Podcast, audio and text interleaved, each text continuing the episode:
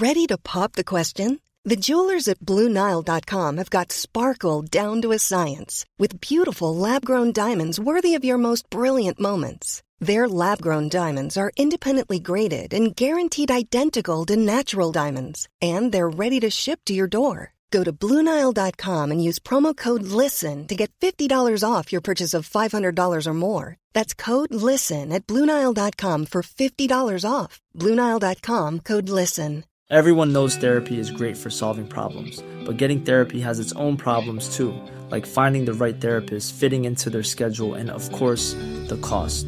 Well, BetterHelp can solve those problems. It's totally online and built around your schedule. It's surprisingly affordable too. Connect with a credentialed therapist by phone, video, or online chat, all from the comfort of your home. Visit betterhelp.com to learn more and save 10% on your first month. That's BetterHelp, H E L P. Hey, it's Ryan Reynolds, and I'm here with Keith, co star of my upcoming film, If, only in theaters, May 17th. Do you want to tell people the big news? All right, I'll do it. Sign up now and you'll get unlimited for $15 a month in six months of Paramount Plus Essential Plan on us. Mintmobile.com slash switch. Upfront payment of $45 equivalent to $15 per month. Unlimited over 40 gigabytes per month. Face lower speeds. Videos at 480p. Active Mint customers by 531.24 get six months of Paramount Plus Essential Plan. Auto renews after six months. Offer ends May 31st, 2024. Separate Paramount Plus registration required. Terms and conditions apply if rated PG. Ardi. En vinge svever ensom over havet. Den bølger som et blekt skipsvrak. Og vingen, som knapt holder sammen, skjelver med hvert vindpust. Ardi, jeg ser voksen, det er Ikaros vinger, som skaperen av den beryktede oksen lagde når han tjente de døde i Knossos. Hvem vil plukke den opp? Hvem har en sterkere legering som kan knytte fjærene sammen, for igjen å forsøke å fly?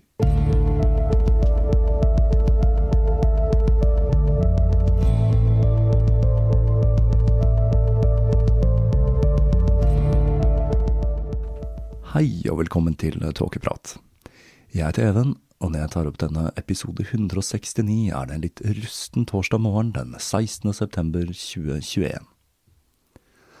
Aller først så tenkte jeg å åpne denne episoden med å takke dere som støtter denne podkasten på Patrion. Norske podcaster forsøker seg på litt ulike finansieringsløsninger, enten det dreier seg om reklame eller ved å legge seg bak en betalt tjeneste. Selv så sitter jeg litt på gjerdet når det gjelder begge deler. Jeg har for så vidt ikke noe imot å reklamere for produkter i denne podkasten, men jeg har enda ikke fått et tilbud om å reklamere for et produkt jeg selv bruker, og som jeg føler passer inn. Samtidig så syns jeg podkasten bør være tilgjengelig på enklest mulig vis for flest mulig mennesker, uten at man skal behøve å benytte seg av en tredjepartsapp. Det er ikke til å legge skjul på at det ikke er store summer å hente på å drive med en uavhengig podkast, og jeg kan bare drømme om inntekter i nærheten av hva de som lager podcaster for de store mediehusene og lignende har å rutte med. Og Tåkeprat har en tendens til å gå med dundrende underskudd, siden jeg liker å satse på det jeg driver med. Jeg står egenhendig for all lyd og all musikkproduksjon, i tillegg til innhold. Men det gjør også at jeg har en frihet som disse andre podkastene ikke har, noe som har gjort at jeg har klart å skape en podkast jeg tror er ganske unik i norsk sammenheng. Så fram til det dukker opp en eller annen superløsning, som for eksempel mikrotransaksjoner i kryptovaluta, så er det Patrion som er løsningen jeg har valgt å gå for. Det er fordi denne tjenesten gir meg en stabil inntekt og gjør det mulig for meg å telle på kronene fra måned til måned. Jeg hadde rett og slett ikke hatt mulighet til å holde på med dette i samme skala om det ikke hadde vært for dere som støtter meg der. Så takk igjen, dere er utrolig viktige i produksjonen av denne podkasten. Nå har det igjen vært stortingsvalg. Jeg håper dere alle har benyttet dere av stemmeretten. Norsk politikk kan kanskje virke litt grå og kjedelig, men akkurat det er en ting jeg tror vi skal være glade for. Og nå tror jeg jeg skal prøve meg på noe som pleier å fyre opp enkelte lyttere, nemlig en liten kommentar fra meg om polariseringen i USA. For denne gangen så traff det meg nemlig litt på hjemmebane når to av favorittpodkastene mine havnet i en klinsj om et av disse svært så betente, polariserte temaene. Sist gang jeg nevnte noe politisk her i Tåkeprat, så fikk jeg jo illsinte norske Trump-supportere i tottene i flere år etterpå. Og denne gangen så skal jeg slå litt til begge sider, så får vi se hva som skjer da. Jeg har flere ganger anbefalt podkasten Behind the Bastards med Robert Evans, som er en journalist som har skrevet mye om globale konflikter og ekstremisme på nettet. Behind the Bastards er en ganske så fornøyelig podkast som ofte dykker ned i en lignende tematikk som jeg tar for meg her i Tåkeprat. Ofte så fokuserer Evans på andre ting, eller kommer med andre konklusjoner enn meg selv når vi har vært innom samme tema, og det er for meg veldig interessant. Det som plager meg litt med Behind the Bastards, er at podkasten nok er litt i overkant woke. Men det ødelegger ikke helhetsinntrykket av en solid, gøyal og informativ podkast. Det syns nå i alle fall jeg. Og jeg syns i utgangspunktet det bare er bra når man ikke er enig i alt som blir sagt i en podkast. Det gir også en mulighet til å evaluere egne meninger. Sist uke kom to episoder om Ivermektin.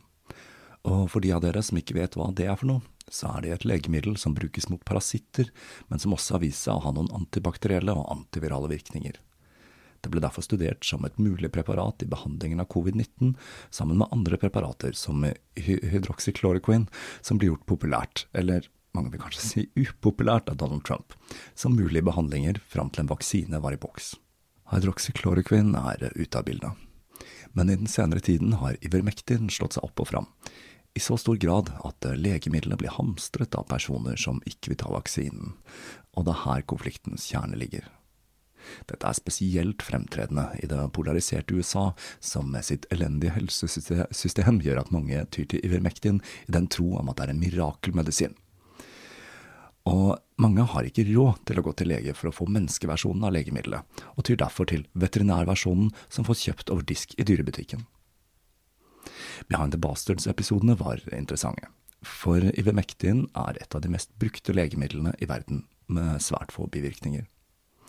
Han som fant opp preparatet, fikk til og med nobelprisen i medisin for oppdagelsen av dette medikamentet, som blant annet har vært en viktig faktor i bekjempelsen av elveblindhet. Men studiene rundt en effekt på covid-19 har gitt svært så sprikende resultater. Det er altså ikke umulig at preparatet har en plass i behandlingen av covid-19, men dette vet vi altså ikke helt ennå. For å si det på en annen måte, det er helt umulig å si med sikkerhet det ene eller det andre. Og Ivermektin er verken en mirakelmedisin eller bare tullball, ut ifra hva vi vet i dag. Men det er nettopp slik legemidlene blir fremstilt av de ulike sidene i denne konflikten. Noe som er veldig uheldig dersom det skulle vise seg at preparatet har en nytteverdi i behandling av sykdommen. Det er jo ikke akkurat som om det er negativt å ha flere kort på hånda i behandling av covid-19. Det er her Joe Rogan kommer inn i bildet. Jeg har hørt på podkasten hans siden den spede begynnelsen for mer enn 1700 episoder siden, og det har vært litt av en reise. Der en standup-komiker og MMA-kommentator med en bankkonto fylt opp etter å ha vært programleder for Fair Factor, har klart å bli en av de viktigste stemmene i samtiden. Podkasten hans den er enorm og er blitt et kulturelt fenomen, og det er ikke så vanskelig å forstå hvorfor. I løpet av de årene som har gått siden 2003, da podkasten begynte, har Rogan blitt utrolig god til å gjennomføre timelange samtaler ved å la den han snakker med, komme til orde, og ikke minst ved å ikke å være gift med sine egne ideer, noe som er en sjeldenhet i dagens klima. Det har ført til at han til stadighet har fått større og større gjester. For meg var en av favorittene i år eksempel Quentin Tarantino. Og det har også gjort at han har åpnet opp for en del kontroversielle gjester, noe han har fått en del pepper for. Her kan jeg nevne noen av mine favoritter, som er Bob Lazar, og ikke minst Graham Hancock, som har en stjerne i boka her i gården. I likhet med Behind the Bastards, så er det langt ifra alt jeg er enig med Joe Rogan om heller. Han lider av denne uavhengighet for enhver prisholdningen som preger mange amerikanere, og han har en lei tendens til å gjøre ting som å sette likhetstegn mellom sosialdemokrati og kommunisme. Men det jeg kanskje setter aller mest pris på med Rogan, er at etter å ha hørt mer enn 1000 episoder, så er jeg ganske sikker på at mannen er 100 seg selv, og at det er nysgjerrighet og jakten på den gode samtalen som driver ham. Der hvor Ivermectin kommer inn i bildet, var i episode 1671, hvor Joe hadde dr. Pierre Corey og Brett Weinstein som gjester. I denne episoden snakker dr. Corey, som er en lungespesialist, varmt for bruken av Ivermectin. Ikke bare til behandlingen av covid, men også som et forebyggende alternativ til vaksinen. Dette er selvsagt sketchy, da forskningen på Ivermectin til bruk mot covid-19 langt fra er solid, og den ble kun igangsatt som en mulig nødløsning fram til man hadde en vaksine. Og nå som vi har vaksinen, så har vi noe vi faktisk vet virker. Men her mistenker jeg at Robert Evans ikke har hørt like mye på Joe Rogan som meg selv. For i episodene etter denne er Rogan veldig forsiktig i omtalen av Ivermektin, og han sier at det trengs å gjøres flere studier av medikamentet. Han anbefaler det ikke, med andre ord. Men dette kommer kanskje ikke så veldig godt fram i episode 1671, hvor han lar gjestene få snakke, og det kommer i alle fall ikke fram i klipp som blir lagt ut i sosiale medier i ettertid. Det eneste jeg har hørt Rogan anbefale som en viktig del i kampen mot covid-19, er helse, trening og D-vitamin. Noe som kanskje ikke burde være så veldig kontroversielt for de fleste. I alle fall ikke her til lands. Og her kommer det moralske spørsmålet. Joe Rogan har ofte blitt beskyldt for å gi personer med upopulære meninger eller falsk informasjon en plattform. Jeg kjenner selv flere som mener dette, men jeg er nok en for ihuga tilhenger av ytringsfriheten til at jeg mener at vi ikke skal beskytte individer mot seg selv.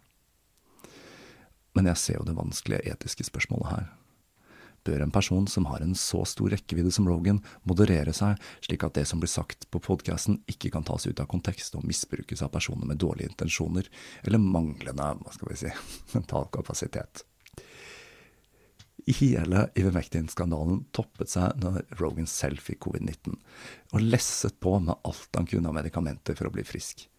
Noe som er helt i stil med mannen som prøver absolutt alt som skal ha en eller annen positiv virkning enten det være seg isbad eller ketosediett. Og en av tingene han tok, det var nettopp Ivermectin. Og det fyrte opp mediene i USA. I så stor grad at mange ble rasende fordi han ble raskt frisk igjen etter å ha dynget innpå med intravenøse vitaminer så vel som steroider, i tillegg til denne berømte ivermektinen. Og så publiserte Rolling Stone en artikkel hvor de skrev at et sykehus i Oklahoma ble nedrent av pasienter som hadde overdoset på Ivermectin, og hvor de ikke hadde tid til å ta seg av personer med skuddskader av alle som hadde tyllet i seg Ivermectin til veterinært bruk, eller hestepasta, som er blitt et populært uttrykk i de amerikanske mediene. Historien ble plukket opp av flere store nyhetskanaler, men så skulle det vise seg at denne historien, som ble brukt i Behind the Bastards-episodene, er løgn og at sannhetsvitnet til Rolling Stone ikke hadde jobbet ved det aktuelle sykehuset på flere år. Jeg syns denne historien illustrerer tingenes tilstand i USA ganske godt. Pressen kaster seg over en mulighet til å stemple den andre siden som dumme, mens det i realiteten er en kombinasjon av blant annet et elendig helsesystem kombinert med skepsis til myndigheter, ofte med god grunn, som gjør at mange amerikanere vegrer seg for vaksinen, og heller velger å ta saken i egne hender til tross for god tilgjengelighet på vaksinen. Her spiller nok også utdanning, og ikke minst påvirkningen fra sosiale medier, en sentral rolle.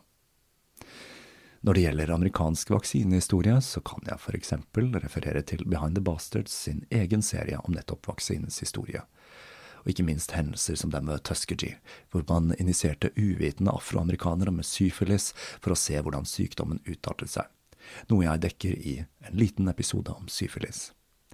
Det er kanskje ikke så rart at mange svarte kvier seg for å sette en sprøyte myndighetene anbefaler. Det er selvsagt mange andre faktorer her også.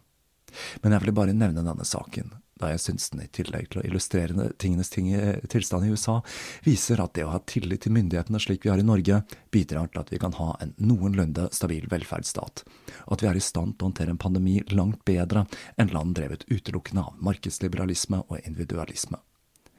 Jeg sier ikke at ting er perfekt her, men du og du så glad jeg er for at jeg bor i Norge. Og jeg håper at eh, vi her til lands klarer å holde en åpen samfunnsdebatt der sidene faktisk lytter til hverandres argumenter, framfor å grave seg ned i sin egen forutinntatthet. Jeg får håpe at det ikke ble for mye politikk fra meg. Tåkeprat er fremdeles ikke en politisk podkast, men jeg måtte bare få ut den der. Spesielt i lys av stortingsvalget så syns jeg det var på sin plass. Og så det jeg har sagt, så er jeg fremdeles fan av begge podkastene, selv om jeg må jo si at jeg ikke ble så veldig imponert av personangrepene til Robert Evans. Men nå skal vi over på dagens episode, og fortsettelsen på livshistorien til Gabriel Tenancio. Og nå passende nok, skal Gabriel virkelig hive seg ut i det politiske landskapet. Og i 1914 skulle jo det bli riktig så turbulent.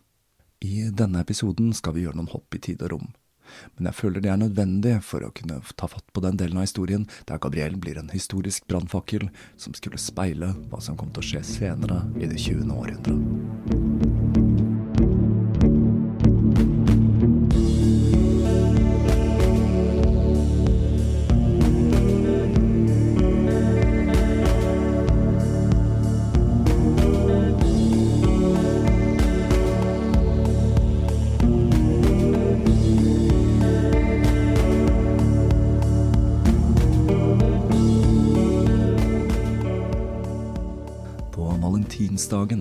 1985 var den da 25 år gamle Gabrielle ute for å skrive om festivitetene for tidsskriftet Kaptein fra Casa. Der så han blant annet sin elskerinne Olga Osani, og ved siden av henne sto Eleonora Dus. I en japansk frisyre som Gabrielle fant svært så fascinerende da han var opptatt av alt som var japansk. Men det skulle gå nesten ti år før Gabrielle ble introdusert for divaen, og det skjedde i 1894 i Venezia. Eleonora hadde lest Dødens triumf, og etter det hadde hun skrevet til sin tidligere elsker, Arrigo Boito, og skrev at hun heller ville dø i et hjørne enn å elske en sjel som den infernalske Denuncio, og at hun følte avsky for Denuncio, samtidig som hun beundret ham. Etter de to møttes første gang, kjøpte Dus en utgave av Nytelse, og hun leste denne på turné, og den påfølgende september, like etter en tur til Hellas, var Denuncio tilbake i Venezia. Han skrev den kryptiske meldingen Amori et dolori sacra i notatboken sin, eller Hellig kjærlighet og smerte. Ifølge ham selv mange år senere var han på vei ut av en gondol en morgen da han møtte Leonora etter de begge hadde hatt en søvnløs natt, og de to signerte en pakt med sine hjerter. Uansett hvordan dette gikk for seg, så var dette starten på en av de mest spektakulære affærene i livet til Gabriel. Dus var 37 år, og nesten fem år eldre enn Gabriel. I likhet med ham så hadde hun levd et liv i offentlighetens lys fra barnsben av. Men i motsetning til Gabriel hadde hun ikke valgt dette selv. Hun hadde blitt født inn i en skuespillerfamilie, og hun fikk sin første rolle som tolvåring, og sin første hovedrolle når hun var 20. Når hun møtte Gabriel, hadde hun allerede turnert i Nord- og Sør-Amerika, England, Frankrike, Østerrike, Tyskland og Russland. Og den rollen hun gjorde best, var den som en lidende heltinne. Så det er kanskje ikke så rart at hun fanget interessen til Gabriel. Hun hadde hatt en lang rekke med lidenskapelige forhold bak seg, som alle hadde endt tragisk. Hun var på høyden karrieremessig, men hun følte at tilværelsen var tom og meningsløs, og hun søkte etter en dypere mening. Og det var akkurat der Gabriel kunne hjelpe til. Hun var altså erfaren, uavhengig og rik, og hun var alltid i bevegelse. Og hun var en som ikke ville eller kunne holde fast på en mann, og et av kallenavnene Gabriel ga henne, var nettopp Nomaden. Hun hadde en hærskare av beundrere, og det gjorde at hun kunne få hvem hun ville, og akkurat det var noe som appellerte til Gabriel. Det å være hennes utvalgte, den hun festet blikket på når publikum brøt ut i rungende applaus etter forestillingen. De hadde en rekke ting til felles. Begge var svært verbiøse, og ordene formelig strømmet ut av dem. Hans med en perfekt setningsstruktur og grammatikk, og hun med et hakkete og uformelig språk. De var begge selvsikre og overbevist om deres eget geni, og ikke minst så delte de begge en tørst for nye opplevelser og erfaringer. Dus manglet humor, og venner av paret omtalte henne som kunstig, og skjønte ikke hva Gabriel så i henne. Men han elsket å ta del i det dramaet som var livet hennes. I likhet med Gabrielle var Dus hardt arbeidende, og hun var svært godt belest. Ikke minst så fulgte hun med i samtiden, og hun var spesielt glad i Ibsen. Og så hadde de enda en ting til felles, nemlig shopping. Hun, som han, var nemlig svært glad i fine og dyre ting. Gabrielle følte fremdeles et ansvar for Maria Gravina, prinsessen han hadde fått barn med og ødelagt livet til. Men med Dus så hadde han et alternativ som virket for forlokkende.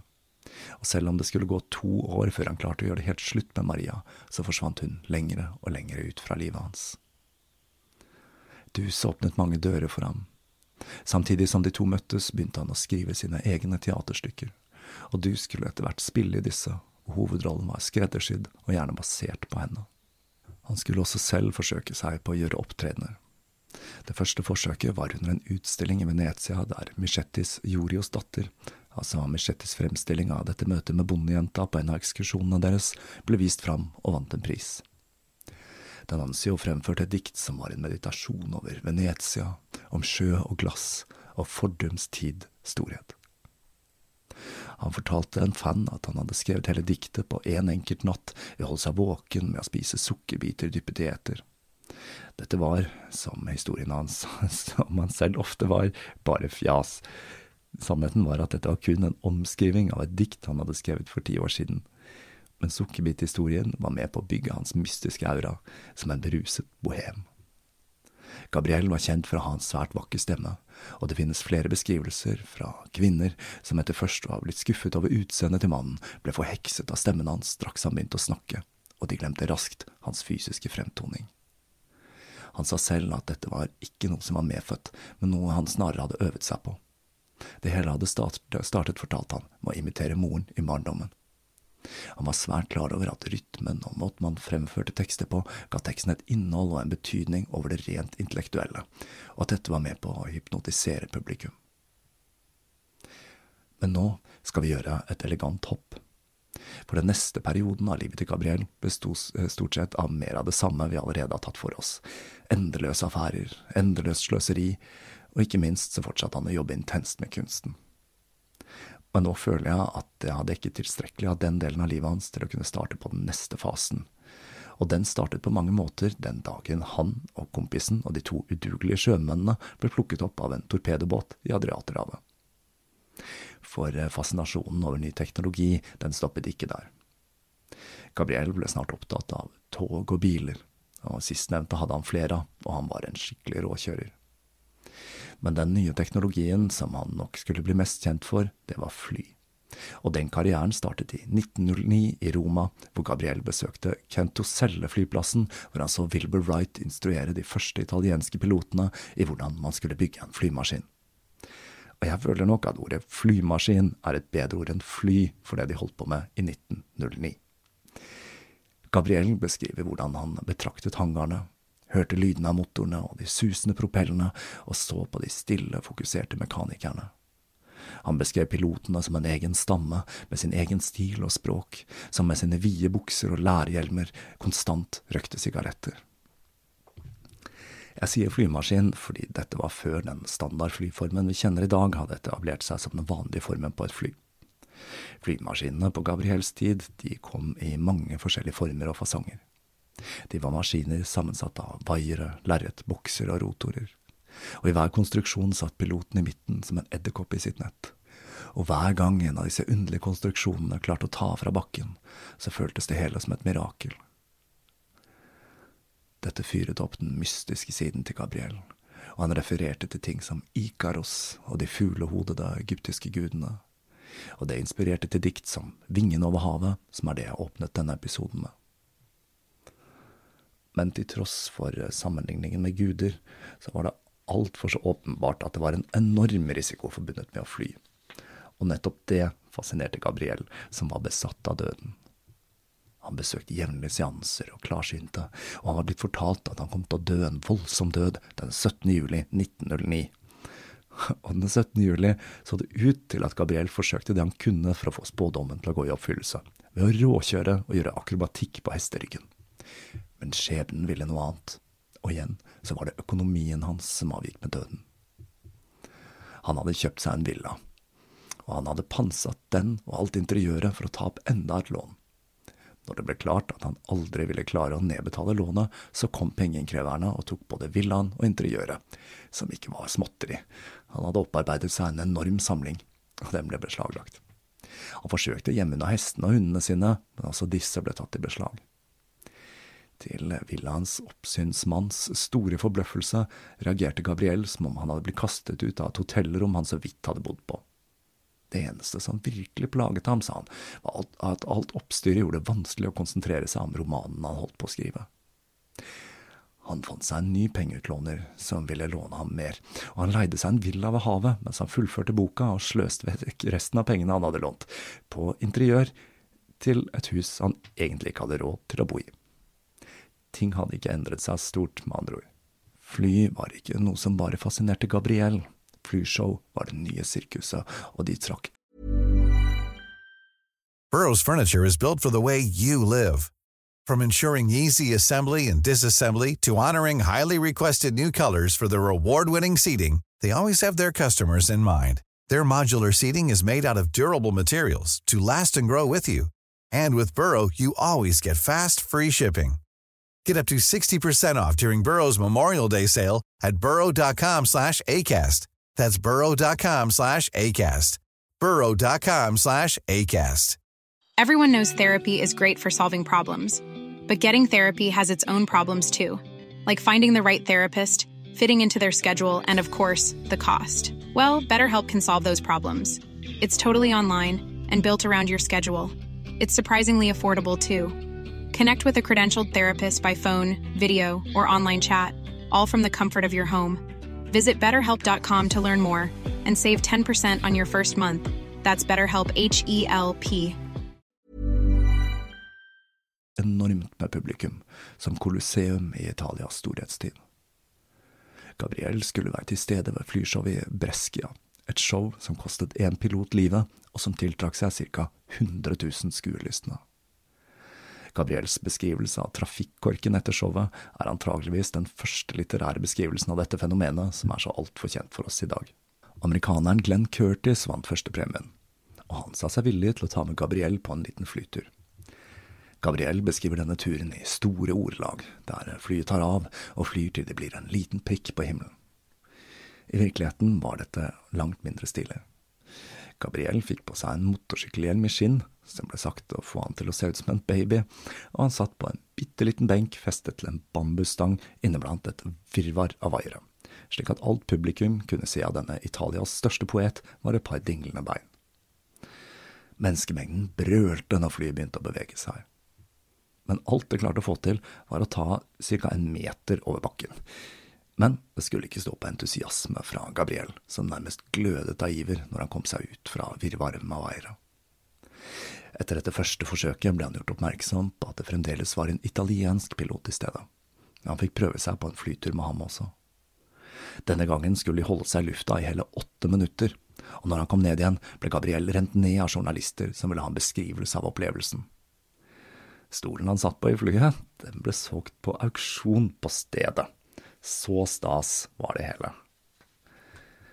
Etter å ha vært med på sin første flytur, bestemte Gabriel seg for å skrive en roman om flying, og det resulterte i Kanskje ja, kanskje nei, som han skrev i rekordfart høsten 1909.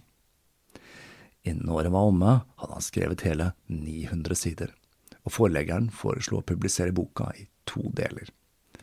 Han håpet nemlig at den første halvdelen ville få en god mottagelse, før bok nummer to, som var den med mest krutt i, ble publisert.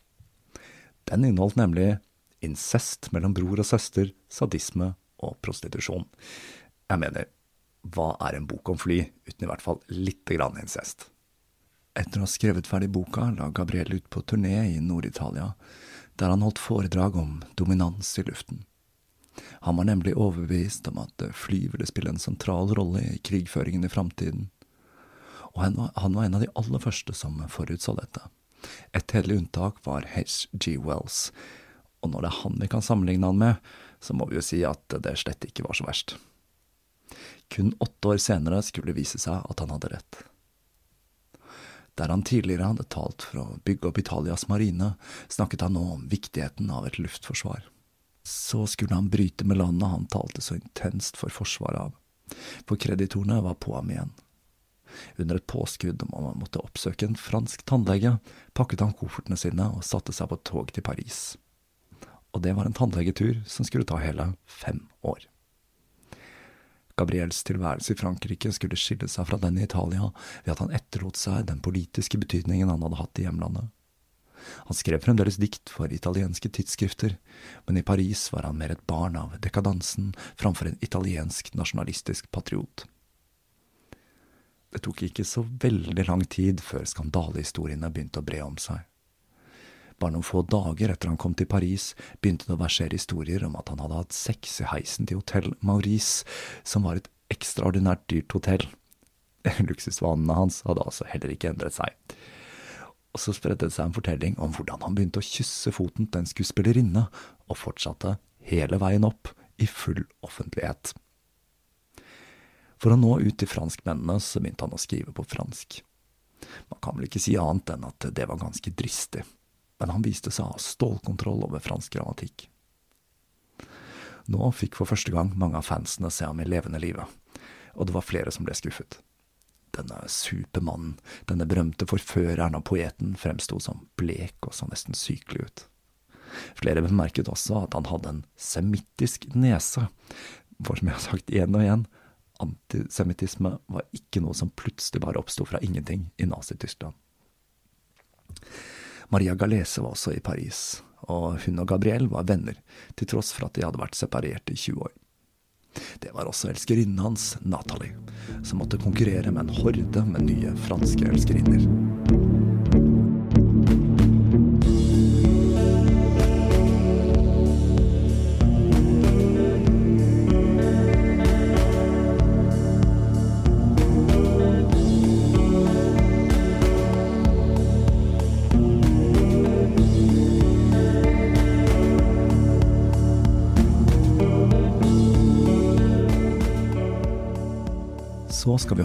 Elegant fram i tid igjen. For igjen så var dette en epoke preget av de vanlige ingrediensene i Gabriels liv. Sex, gjeld og luksus. Den 27. juli 1914, en måned etter Frans Ferdinand ble skutt i Sarajevo, dro Gabriel på et hesteveddeløp i Chantilly sammen med sine venner Marcel og Suzanne Boulanger. Den samme dagen beordret den franske forsvarsministeren at de franske troppene skulle mobiliseres og gjøre seg klare til krig. Det var en overskyet dag, og til tross for at hestene gjorde et fremragende løp, hadde alle tilskuerne blikket festet tungt til bakken. Etter racet dro de hjem til huset til Bolanger, hvor de ble møtt av en flokk med veldig glade mynder. Gabrielle og Marcel hadde diskutert hvor vanskelig det ville være å fòre hundene dersom det skulle bli krig. For Gabriel, han hadde nemlig, hold dere fast, en positiv egenskap. Han var glad i dyr, og det var spesielt mynder som sto høyt i kurs litt som med Den hvite baron. Han var kanskje en folkemorder, men han likte i det minste hester. Gabriel var så glad i mynder at det beste komplimentet han noen gang ga en kvinne, var å si at hun hadde en like vakker kropp som en av hans elskede hunder. Gabriel og Marcel var smertelig klar over at de kom til å måtte avlive mesteparten av hundene om det ble krig. Og Gabriel, som hadde sin egen flokk, skrev Vi må ofre gudene i husholdningen. Dagen etter erklærte Østerrike-Ungarn krig mot Serbia, og en uke senere erklærte Tyskland krig mot Frankrike. Når Marcel innså at det ikke var noen utvei, førte han hundene sine ut i skogen og skjøt dem.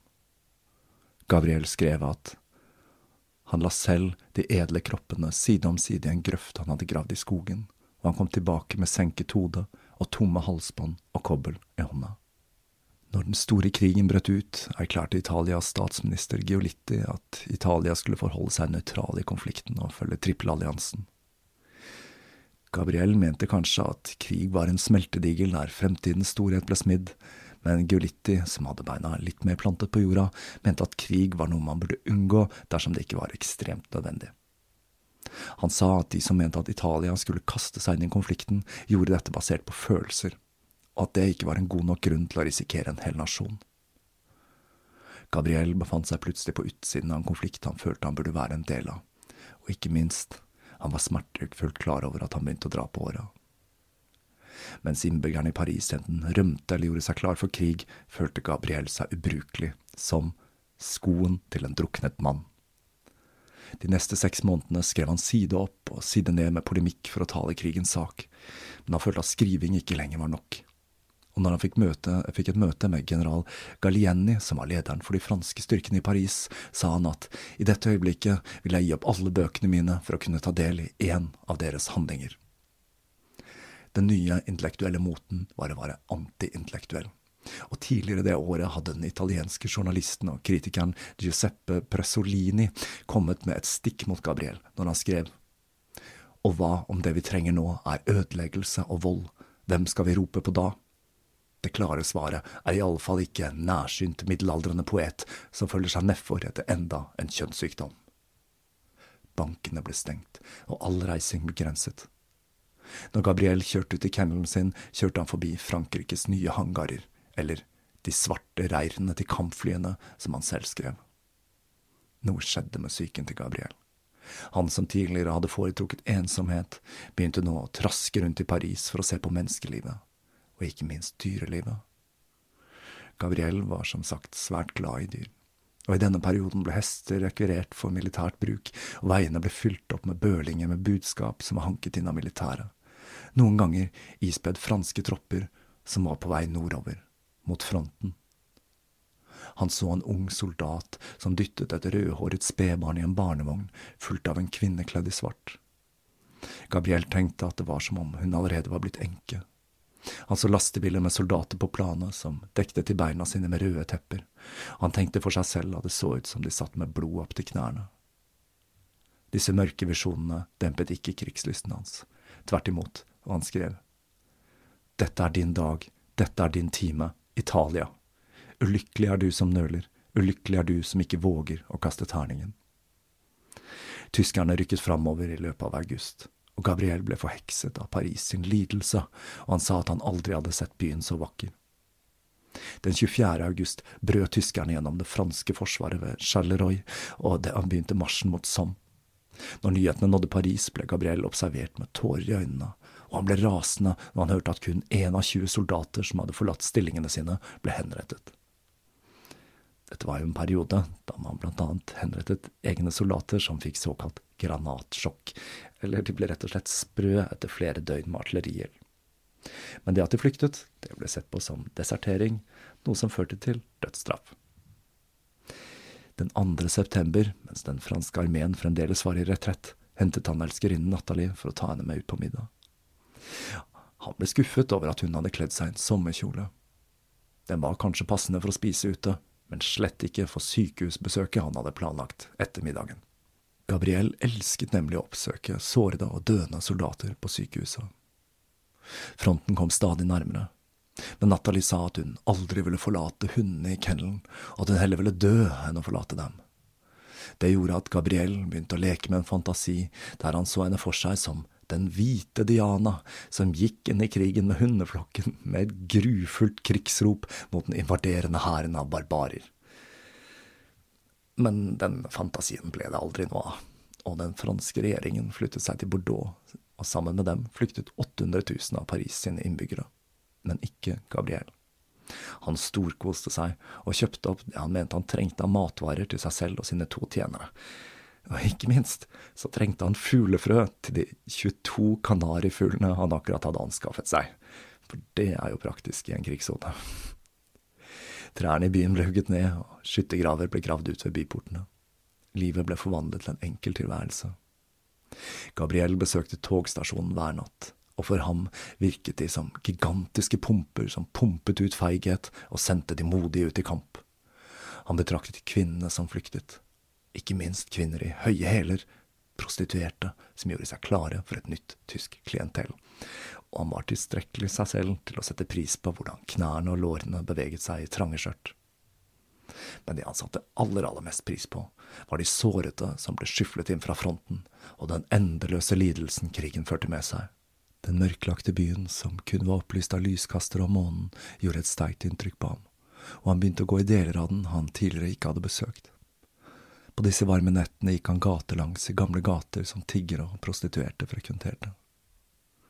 Den 12. september stoppet franske og britiske tropper den tyske framrykningen i Marne, og begge sider gravde seg bokstavelig talt ned. Dette var ikke helt Gabriels greie. Selv om han snakket varmt for krigen, så syntes han egentlig den var ganske kjedelig, så han bestemte seg for å ta den i nærmere øyesyn, for å kunne oppleve litt mer av krigens elendighet.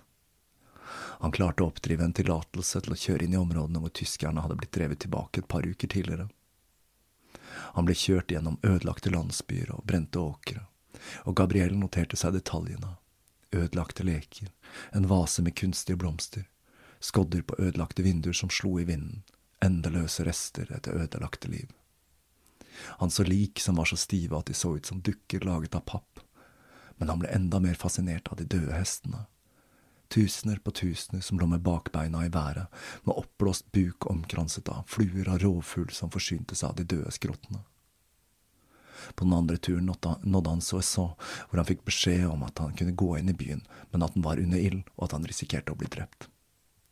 Gabriel var ikke redd for døden, og de kjørte inn i byen, hvor de på hovedtorget kom over liket av en soldat og hesten hans i en pøl av blod. Når de sto og betraktet dette makabre skuet, kom en offiser løpende og ba dem søke dekning eller komme seg vekk fra fronten.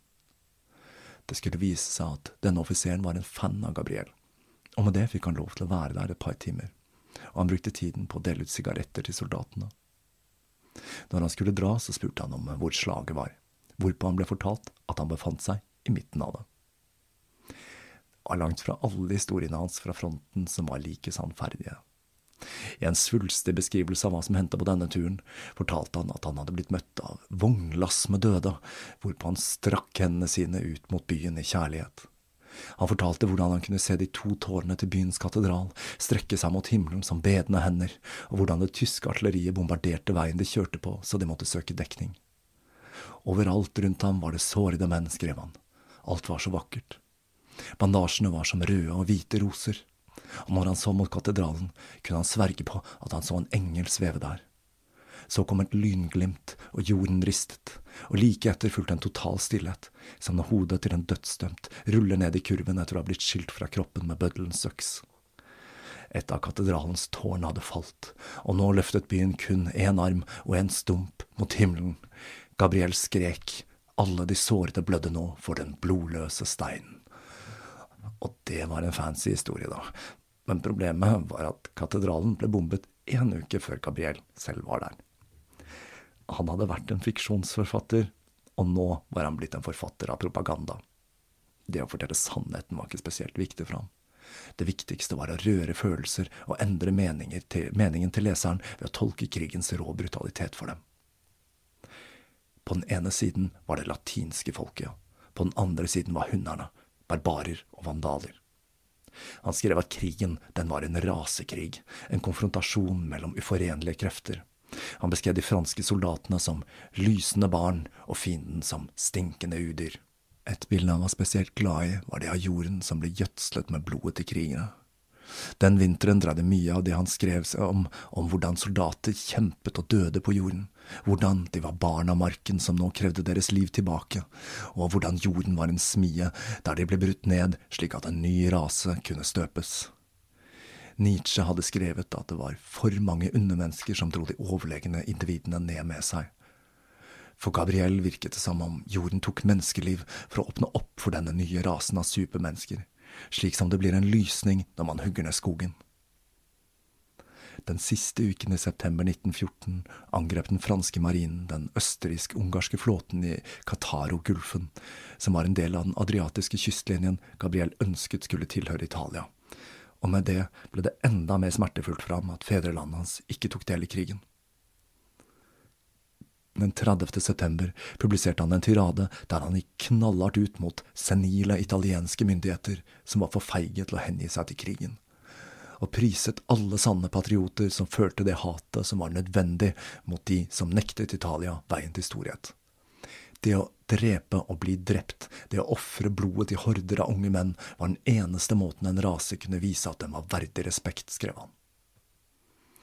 Han hadde gjort det veldig klart hvor han sto i konflikten men han var også veldig usikker på hvordan han skulle gripe det hele an.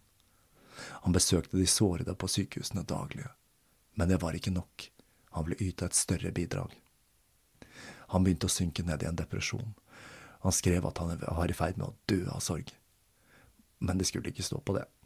Fremdeles var pengebruken hans ute av kontroll, og kreditorene var igjen på jakt etter ham. En notatbok fra denne perioden viser at han brukte enorme summer på blomster, parfyme, klær og taxiturer. Igjen så klarte han ikke å betale husleia, og igjen ble han kastet ut. Og skal vi gjette litt her, så ble sikkert alt interiøret hans beslaglagt i samme slengen. Men det skulle løse seg raskt.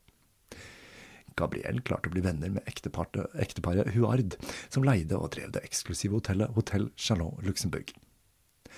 Han inviterte dem til middag, og ved slutten av måltidet ga han dem to mynder kledd i blå frakker med en rød kant han hadde fått spesiallaget av en skredder. Med én fot innafor fikk Gabriel lov til å leie fem rom i første etasje av hotellet, som han kunne disponere som leilighet. Han var selvsagt ikke fornøyd med det antikke interiøret. Han kastet ut alt sammen og begynte å innrede på ny. Blant de flotte tingene han hadde med seg, fulgte de 22 kanarifuglene han hadde, som han selvsagt hadde i moteriktige, gullforgylte japanske bur. Det er kanskje ingen overraskelse at ekteparet, ekteparet Huard ikke ble så fryktelig fornøyde når de oppdaget den totale ominnredningen Gabriel hadde gjort, mynder i frakk eller ikke.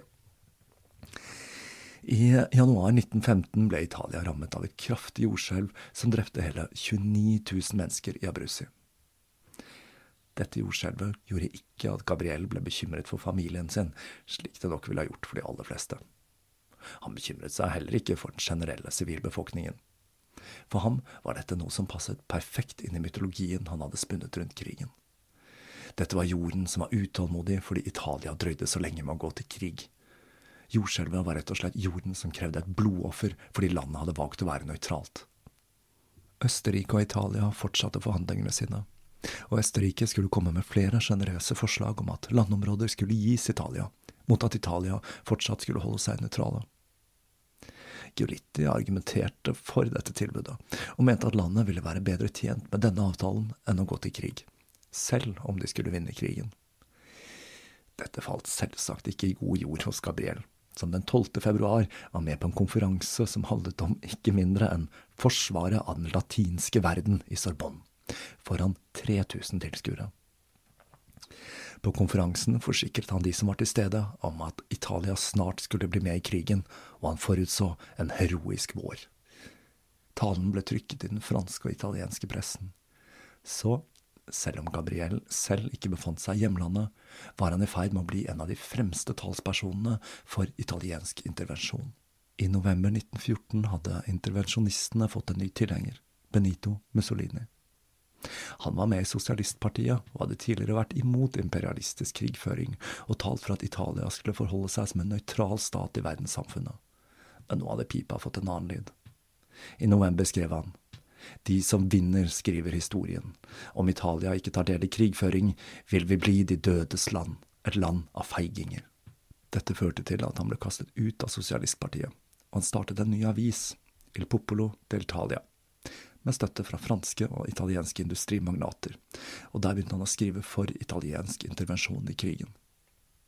Takket være venner med dype lommer begynte det også å se lysere ut for Gabriel på gjeldsfronten i Italia, men som vanlig så hadde han beslutningsvegring, og han fant liksom aldri helt det riktige øyeblikket for å vende tilbake til hjemlandet. Men når han ble invitert til å tale på avdukingen til en statue av Garibaldi, følte han at tiden var inne for å skape ny kunst.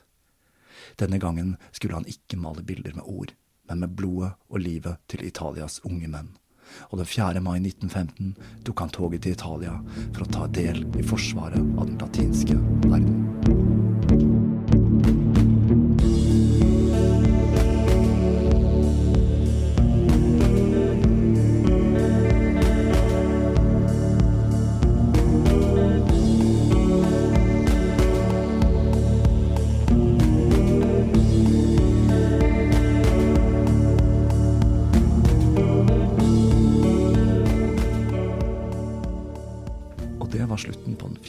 Historien om Gabriel de Nancio. Her måtte jeg som sagt gjøre noen elegante hopp i tid, men jeg føler jo at jeg har klart å tegne et ganske grundig bilde av kjærlighetslivet og skandalene som fulgte vår lille italienske venn. For nå, nå tar det skikkelig av her. Det er det som er veldig artig med historien om Gabriel de Nancio. Med krigen så skifter den gir. Han var opptatt av død og lidelse, og nå skulle han få død og lidelse så det virkelig monnet. Da gjenstår det bare igjen å takke alle patrions, alle dere som har kjøpt noe i nettbutikken, og ikke minst deg som hører på. Vi høres igjen om ikke lenge.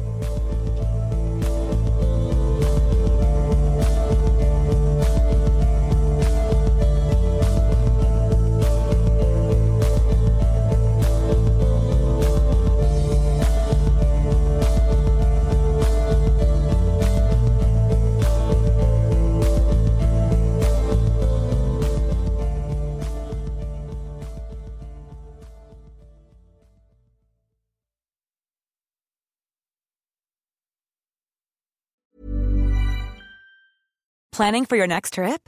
Elevate your travel style with Quince. Quince has all the jet setting essentials you'll want for your next getaway, like European linen, premium luggage options, buttery soft Italian leather bags, and so much more. And is all priced at 50 to 80% less than similar brands. Plus, Quince only works with factories that use safe and ethical manufacturing practices. Pack your bags with high-quality essentials you'll be wearing for vacations to come with Quince. Go to quince.com slash pack for free shipping and 365-day returns. Even when we're on a budget, we still deserve nice things.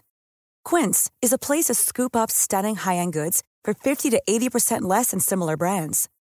They have buttery soft cashmere sweaters starting at $50, luxurious Italian leather bags, and so much more.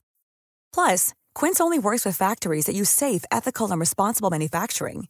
Get the high-end goods you'll love without the high price tag with Quince. Go to quince.com slash style for free shipping and 365-day returns.